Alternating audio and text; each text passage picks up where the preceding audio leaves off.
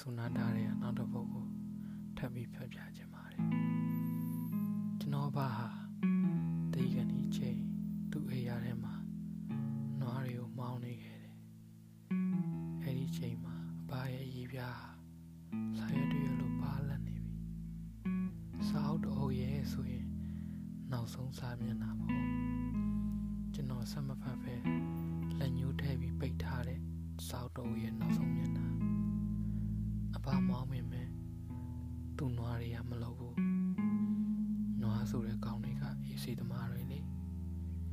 လူတွေနဲ့သူတို့ကအချိန်ကိုခံစားပုံချင်းမတူဘူး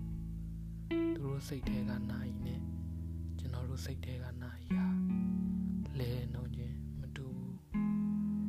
ဒီကောင်းတွေကိုပေခက်ခက်လို့ထင်နေတာကကျွန်တော်တို့အလင်းစလို့ဖြစ်နေလို့ပဲအခုချိန်မှာတော့လက်ရှိအနေထားစီ ကျွန်တော်တို့အလင်းစလို့ရောက်လာပုံကိုအဲ့ဒီအေးစေးသမားနွားတွေကရဲပွဲဖွဲကြတော့မှာပဲအပါဆုံးပြီးနှစ်တန်ကြတော့ကျွန်တော်အဖိုးပြီးတော့အဖွားတို့တိမ်ပါသွားကြတယ်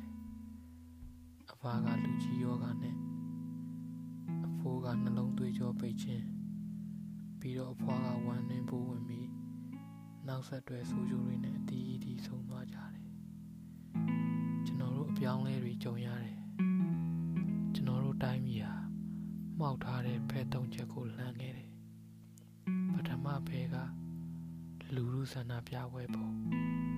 ဒုတိယဖဲချက်ကတနက်ပုံတတိယဖဲကတော့လှမ်းနေတော့မယ်ဘာလဲဆိုတာတဲတဲကွယ်ကွယ်မမြင်ရသေးဘူးသမိုင်းဝင်အချိန်ကာလတိုင်းဟာအကူပြောင်းအချိန်ဖြစ်ပြီးအကူပြောင်းကာလတိုင်းဟာ မပျော်ရွှင်မှုကိုယူဆောင်လာတယ်လီယိုပါရီပြောခဲ့တာ